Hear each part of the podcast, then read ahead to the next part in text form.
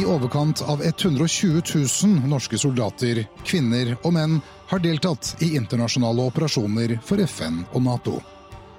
Norske soldater har utvist stort mot og profesjonalitet i krevende situasjoner. De har tjenestegjort på land, til sjøs og i luften. Noen kom ikke hjem. Andre fikk fysiske eller usynlige skader. Noen få er blitt hedret og æret som krigshelter. Felles for alle er viljen til å yte det lille ekstra for at andre skal få nyte den freden og friheten vi andre tar for gitt. Vi kan ikke tillate oss å glemme dem. De må få fortelle sin historie fra egen munn. Et øyeblikk, en evighet, gir deg norske soldaters mest intense øyeblikk. Øyeblikk som varer en evighet.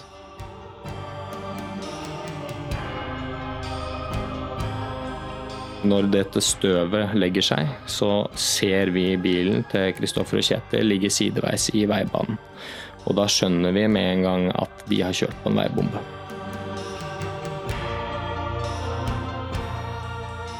Ja, velkommen hit til Et øyeblikk en evighet og nok en episode i serien Bygning 1. Bygning 1 er jo de gamle kontorene til Gunnar Sønsteby annet, hvor det nå er eh, et eh, lite museum for de som har fått krigskorset og en del ting som eh, Gunnar etterlot seg i arbeidets medfør. Med meg i dag så har jeg Kenneth Lysell. Mange kjenner han kanskje som drivkraften bak veteranforeningen Veteran møter veteran, men han har også vært særdeles aktiv i Afghanistan i to perioder. Velkommen til deg, Kenneth. Takk for det. Takk for det. Du, var, du, du, hører jo til det vi kaller for de yngre veteranene. Du har tjenestegjort i Afghanistan og var ute der første gangen i 2007. Men før det, hvordan fant du på egentlig å reise ut? Hva som motiverte deg til å dra dit? Ja, nei, det, er, det, er, det, er, egentlig flere grunner. Angrepet 11.9.2001 det gjorde selvfølgelig inntrykk, eh, og det var ehm, Eh, noe som satt spor egentlig ganske lenge. Det var jo 2001, og så gikk det jo seks år derfra til jeg reiste ut i 2007. Og da åpna det seg en mulighet for meg til å reise ut. Jeg hadde vært i førstegangstjenesten og avgjort den, og så hadde jeg vært eh, sivil noen år etter det. Før jeg fikk da muligheten til å reise ut på kontrakt i ett år eh, til Afghanistan. Du lurte aldri på om det var, eller tenkte aldri over om det kunne være noe risiko forbundet med det, eller om det var for deg? Jeg hadde nok et litt annet forhold til det den gangen enn jeg hadde hatt nå. Eh, men jeg visste jo at det var en risiko, og før vi reiste så var det en, en finsk soldat blant annet, som, hvor det var et angrep på leiren i Afghanistan. og eh, Eh, hvor det hadde vært en IED som ikke har rett på utsiden. Og så var det jo bare året i forveien, i 2006, så var det jo det store angrepet etter Mohammed-tegningene. Så det var et stort angrep på den norske leiren. Så jeg visste jo at det var en risiko. Eh, men jeg tenkte vel eh, som mange andre at det skjer ikke meg. Og så var det også en spenning ved det å reise ut og på en måte være en del av det, hva skal jeg kalle det, det politiske internasjonale bildet. da. Hva var rollen din når du kom ned dit? Rollen min var å sitte i OBSen som OBSAS. Så vi satt i operasjonssentralen og, og, og, styrte mye av de operasjonene som var uh, ute. Og så ramler du rett ut i en ganske heftig hendelse.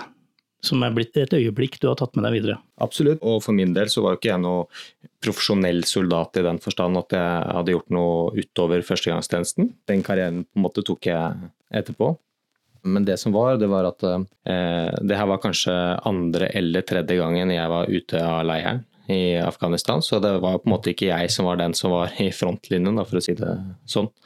Så det var en spesiell eh, opplevelse, og det var Kristoffer eh, Sørli Jørgensen som eh, dagen i forveien tok Kjetil Brakstad med seg rundt i leiren for å hilse på oss medsoldatene. Kjetil Brakstad hadde akkurat kommet ned til leiren fordi at han skulle erstatte en som hadde blitt sendt hjem pga. en dårlig rygg.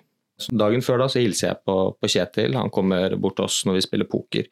Og så spør egentlig Kristoffer om det er noen av oss som kunne tenke seg å være med ut og så dra ut og så skyte inn våpen etter Kjetil. Sånn at han kom seg så fort som mulig opp og gå. Og jeg som ikke hadde vært så mye ute av leiren, syntes det fristet. Man hadde vært eh, inne i en leir i, i seks måneder, og da, da frista det å komme seg litt ut fra disse murene. Så det var egentlig grunnen til at vi, vi reiste ut den dagen. Og det som eh, skjer der, er jo at eh, når dagen kommer, eh, så han som egentlig skal sitte på med meg, han melder avbud. Så da er det en annen som heter Stig, som også jobber i Obsen, som forsterka Obsen etter en operasjon, Harekatiolo 2, som var en større operasjon i Afghanistan som ble gjennomført.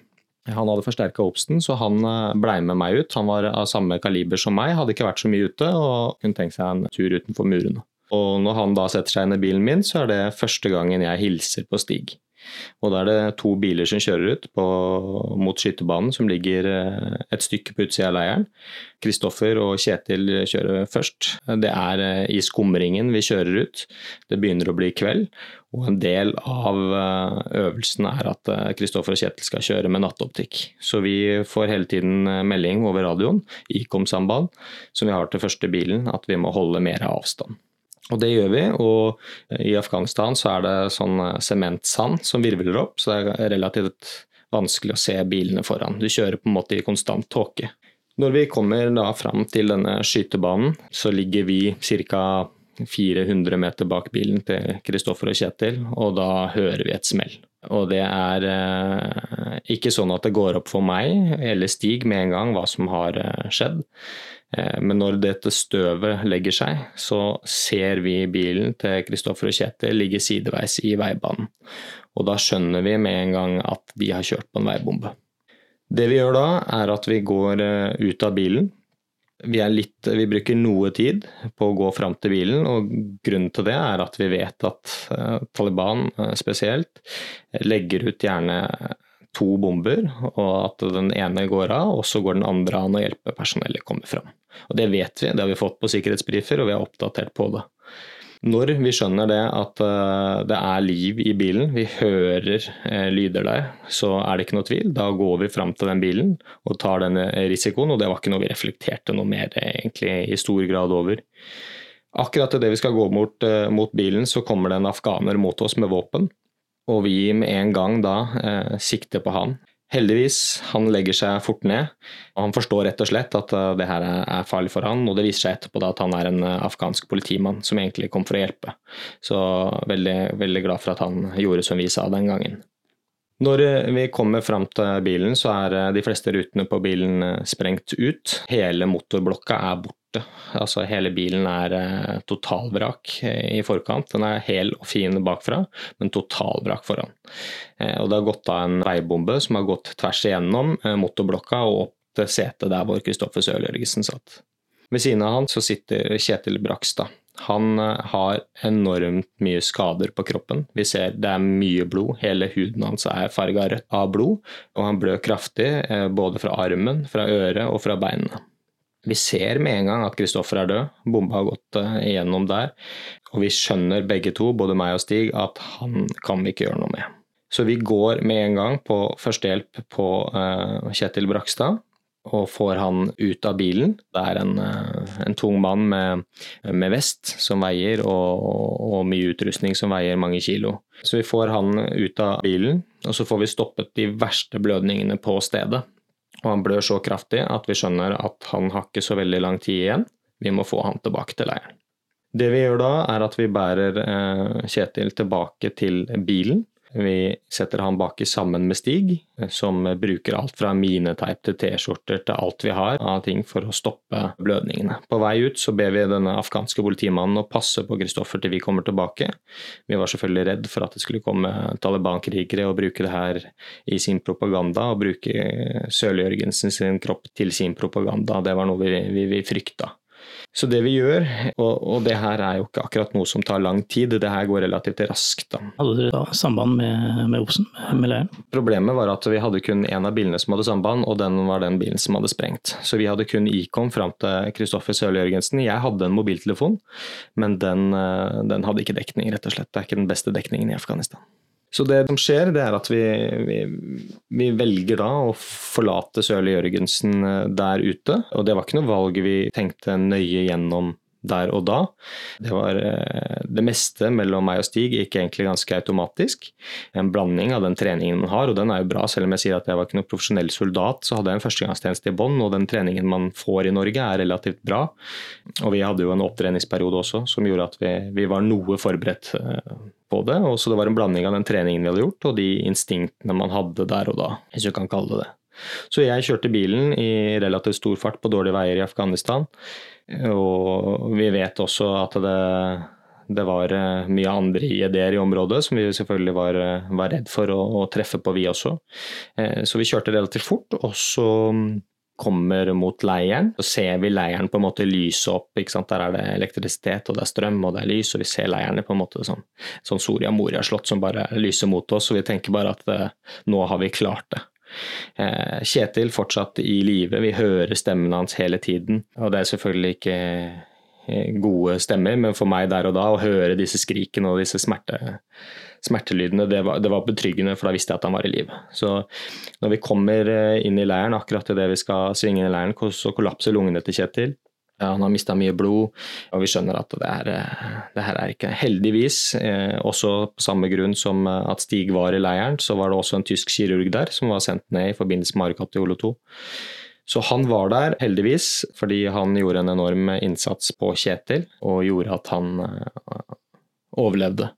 Og han eh, nevnte også, både til oss og andre, at eh, Kjetil hadde to minutter igjen å leve når vi leverte den til han.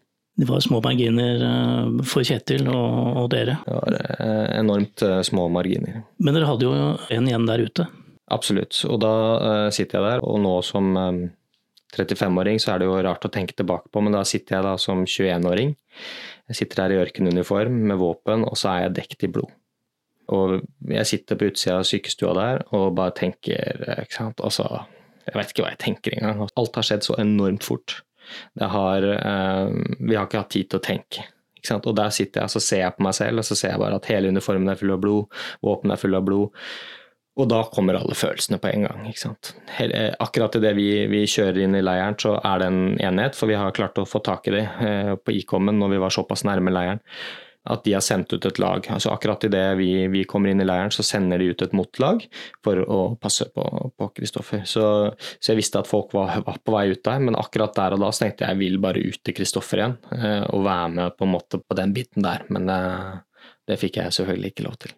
Men du var jo med båren hjem til Norge? Ja, Det som eh, skjedde i tiden etterpå, da, det var jo at vi, vi blei godt ivaretatt av leiren der nede. Både av sjefen og på en måte hele det apparatet som blir satt i verk når noe sånt skjer. Og det eh, som skjer, er jo at eh, jeg egentlig ikke har tenkt å være med båren hjem. Så det er noen andre. Vi har båreseremoni i leiren, også hvor, hvor båra på blir frakta ut på flyet. Og og sendt hjem. Eh, og den er ikke jeg med på. Jeg er med på båreseremonien, men jeg er ikke med på flyet. Men så um, er jeg med stressmestringsteamet som har blitt flydd ned i, i samtale med de, og, og meg og Stig får, uh, får, beskjed om å skrive ned vår historie. Og, og, vi ser at disse matcher, og det er også betryggende da, at man ikke har fått så mye tunnelsyn at man har gått glipp av viktige detaljer.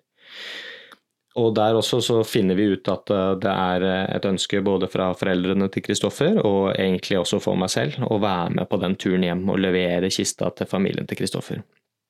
Og for, for, meg eh, så tror jeg sånn i ettertid at den, den, turen på vei hjem er mye av grunnen til at det har gått så bra med meg som det har gjort etterpå. Fordi da fikk vi fulgt uh, kista. Vi sto alenevakt hele natta. Kista var aldri alene. Vi skifta på flagg hver gang vi, vi flyttet den. Det var en sånn verdighet over det, uh, og en, um, en, veldig spesiell opplevelse. Og det var en lang tur hjem. Det var Vi fløy fra Maimane til Kabul, Kabul til Kandahar, Kandahar til Oman, Oman til Norton i England og så fra Norton i England på vei hjem. Så det var en lang tur som tok eh, flere døgn, eh, som gjorde at man fikk reflektert og jeg fikk eh, tenkt igjennom og, og, og reflektert på en helt annen måte enn jeg tror jeg ville gjort bare ved å være i leiren. Og Så kommer vi da til, til Norton i England, og der møter vi onkelen til Kristoffer, som skal ha lovt Kristoffer å være med på den siste, siste turen hjem hvis det skulle gå gærent. Så det som eh, er der, er jo, for meg så er det jo vanskelig. Skal jeg si at jeg var der, skal jeg ikke si? Altså det er jeg selvfølgelig enormt redd for at de på en måte skal bebreide meg for at jeg forlot Kristoffer, eller at jeg ikke gjorde mer for Kristoffer, eller ja. Sånn at eh, det er enormt eh, måte, frykt for at det skulle, skulle være noen reaksjoner fra dem, da på, på det. Og, og, så jeg fortalte det til onkelen til Kristoffer, og han eh, spurte meg da om jeg kunne bli igjen og prate litt med foreldrene til Kristoffer og, og søsteren. Og det, det takka jeg ja til. Så når vi, vi, kom dit og fikk eh, levert eh, kista eh, til familien, og det var verdig, vi fløy over Stange, hjemkommunen til Kristoffer. Vi skrudde av en motor når vi landa, eh, for å vise at en ikke kom hjem. Og ja, det er en sånn verdighet Forsvaret egentlig er veldig gode på, vil jeg si. Og når vi da leverer Eh, kisten over til familien til Kristoffer, så setter vi oss ned og prater med de, og de er eh, bare veldig fornøyd med at jeg var der, og veldig setter pris på at jeg var der eh, til det siste for Kristoffer. Og det, det har satt spor for meg i ettertid. Du reiste jo ned igjen? Ja, jeg var hjemme i, seks dager. Det som skjedde de seks dagene, det var egentlig to ting. Jeg kom hjem til min egen familie. og Det var jo også en spesiell opplevelse. Mye følelser der òg, selvfølgelig. Og så kom jeg da til begravelsen til Kristoffer. Er med på begravelsen på Stange. Og så i denne begravelsen så møtte jeg moren til Kjetil. Eh, Kjetil og Kristoffer var jo barndomsvenner. Og når jeg møtte moren til Kjetil, så ble jeg invitert også til å besøke Kjetil da, som har blitt flydd hjem via sykefly eh, på Ullevål. Eh, og det gjør jeg, og akkurat i det det er en dager etter begravelsen, og i, i, akkurat når jeg kommer eh, nærme meg sykehuset, så uh, blir jeg oppringt av, av hans pårørendekontakt og blir fortalt, og presten, og blir fortalt at han akkurat har våknet av koma. Så jeg er jo på en måte der i kort tid etter at han har våknet fra koma. Da. Det var også veldig spesielt. Jeg tror, altså, snakker om marginer her, så har det jo vært uh, ja, veldig kort tid mellom alt. Det har vært eh, veldig, veldig kort tid mellom alt. Og, og det å liksom på en måte Kjetil Kristoffer eh, hadde jeg jo trent med i seks måneder på forkant. Eh, han kjente jeg godt, Kjetil kjente jeg ikke. Og han hadde også mistet hukommelsen fra Afghanistan, så han husket ikke mer enn at han hadde dratt, satt seg på flyet og dratt ned. Så han, han, husket på en måte ikke meg, og at vi hadde hilst på hverandre dagen i forveien og før vi skulle kjøre ut. Men, men så vi, i ettertid har på en måte brukt litt tid på å bli kjent med hverandre. da. Ja, for du har jo hatt litt kontakt med han uh, i etterkant? Ja, uh, og um, som du nevnte så er jo jeg aktiv i Veteran møtt veteran, og, Kjetil har også vært aktiv der i mange år, sittet der i styret i mange år. Nå er han leder for Momentum, som er en egen organisasjon for protesebrukere, så han velger å bruke tiden på det, men han har vært aktiv i mange år i Veteran møtt veteran. Men du er ikke ferdig med Afghanistan enda, for du, du dro tilbake igjen og ja, tjenestegjorde videre? Ja, og jeg, jeg, dro ned da etter, etter disse seks dagene, og, og, grunnen til det var egentlig at jeg, jeg fikk, fikk, mulighet til å være hjemme. Det var ikke, det var, Sjefen sa at altså, det, her er 8, altså, det her er jo slutten, midten av november, og vi skal reise hjem 12.12. Som han sa deg, det, det går bra, du kan være, du kan være hjemme, det, det går fint. Men for meg så var det så viktig å, å dra ned dit, og det eh, var jo litt sånn vi, vi var jo en kompisgjeng der nede. Eh, og alle de kjente Kristoffer, og alle de var der. Og alle de lokale afghanerne kjente jo Kristoffer. Altså det var hele miljøet rundt eh, leiren eh, kjente Kristoffer, og det var det ingen her hjemme som gjorde. Så for meg så var det riktig å dra ned dit, av to grunner. Og det var å sørge sammen med de som var der nede, og bearbeide det der nede. Og så var det å komme opp på den berømte hesten igjen. Og, og på en måte ikke la det på en måte ja, skremme meg på den måten. Så var du jo med på rotasjon hjem til Norge, men du var jo fortsatt i Afghanistan? Ja, eh, jeg dro jo hjem eh, til, til Norge, og så, og så, var det jo sånn at um, for meg da, Jeg hadde jo vært på kontrakt sant, for Forsvaret. Egentlig skulle den kontrakten avsluttes da. Når jeg var ferdig 12.12.2007, så var jeg egentlig jeg ferdig med den kontrakten og skulle fortsette min sivile karriere. Men for meg, akkurat etter, etter, alle disse opplevelsene, så var det unaturlig for meg å gå ut i det sivile. og eh, Derfor søkte jeg jobb i Telemark bataljon, og, og, og, begynte å jobbe der i januar. Hvor jeg på i februar får vite om at jeg, at jeg skal ut igjen i juni.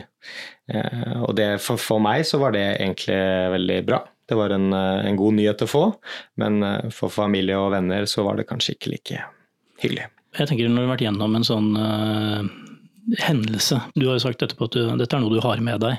Du mm. tenker på det ofte. Mm. Men hvordan var det da, si, nytilsatt i Telemarkbataljonen, å reise ned med den bagasjen du hadde da? Det var jo på en måte Hva skal jeg si Da visste jeg jo på en måte litt mer hva jeg gikk til.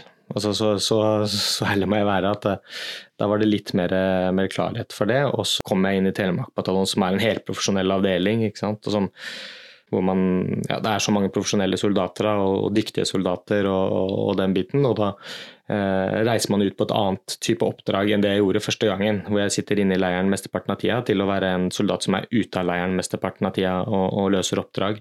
Og det, det, var jo en overgang for meg også, og det var veldig spesielt, for vi var i den første task uniten, da, som det heter, som reiste fra da Masare Sharif og ned til Maimana, flytta på en måte QRF-en ned dit.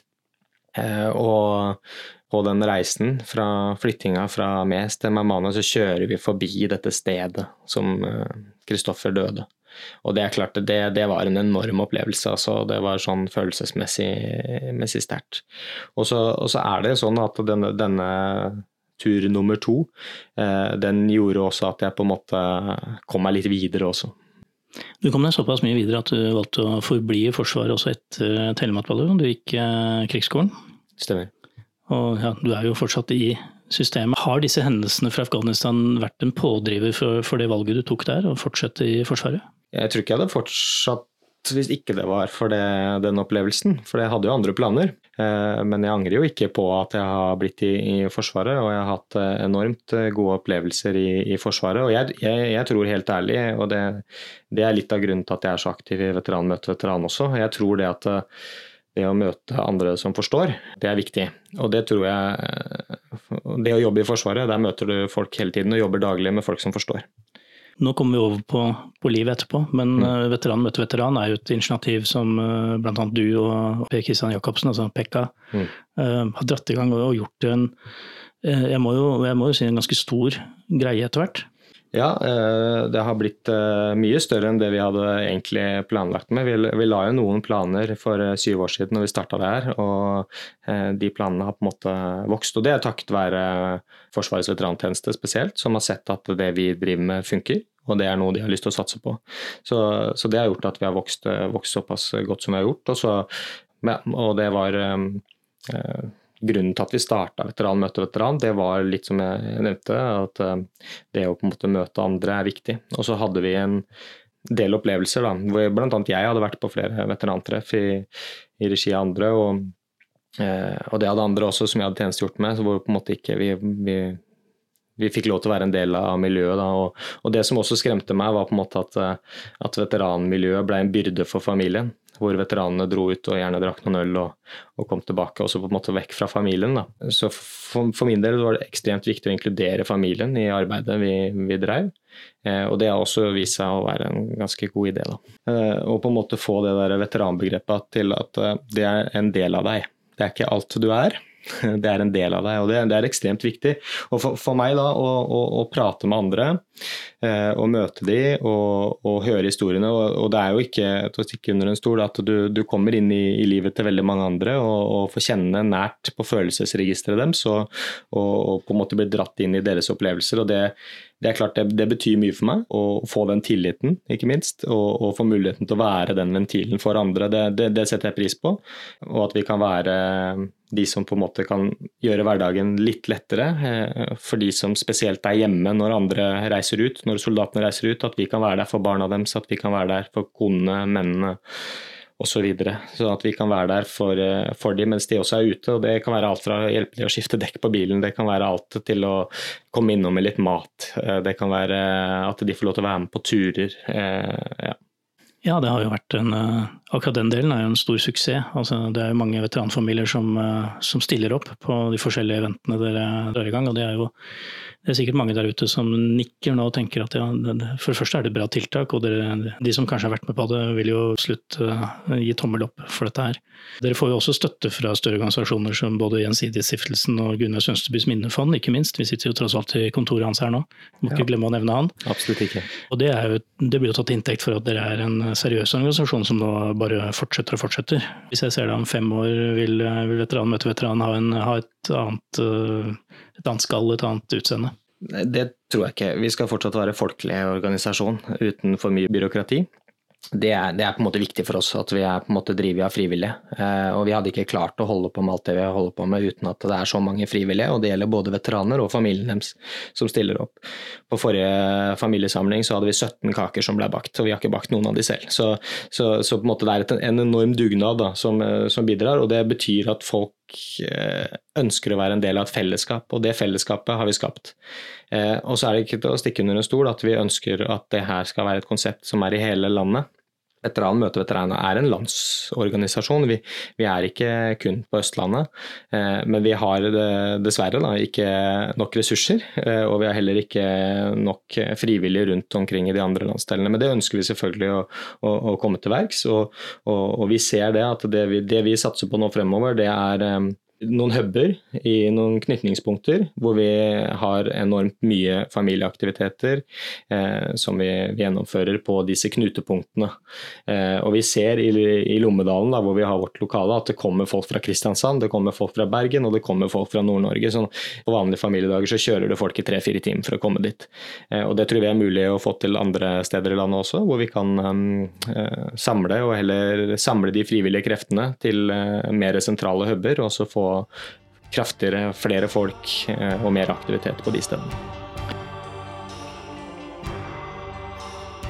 Dette er en av mange unike historier om selvoppofrelse og mot fra våre soldater. Her lar vi soldatene selv fortelle om de intense øyeblikkene, akkurat slik de opplevde det. Historier som rett og slett er blitt et øyeblikk, en evighet.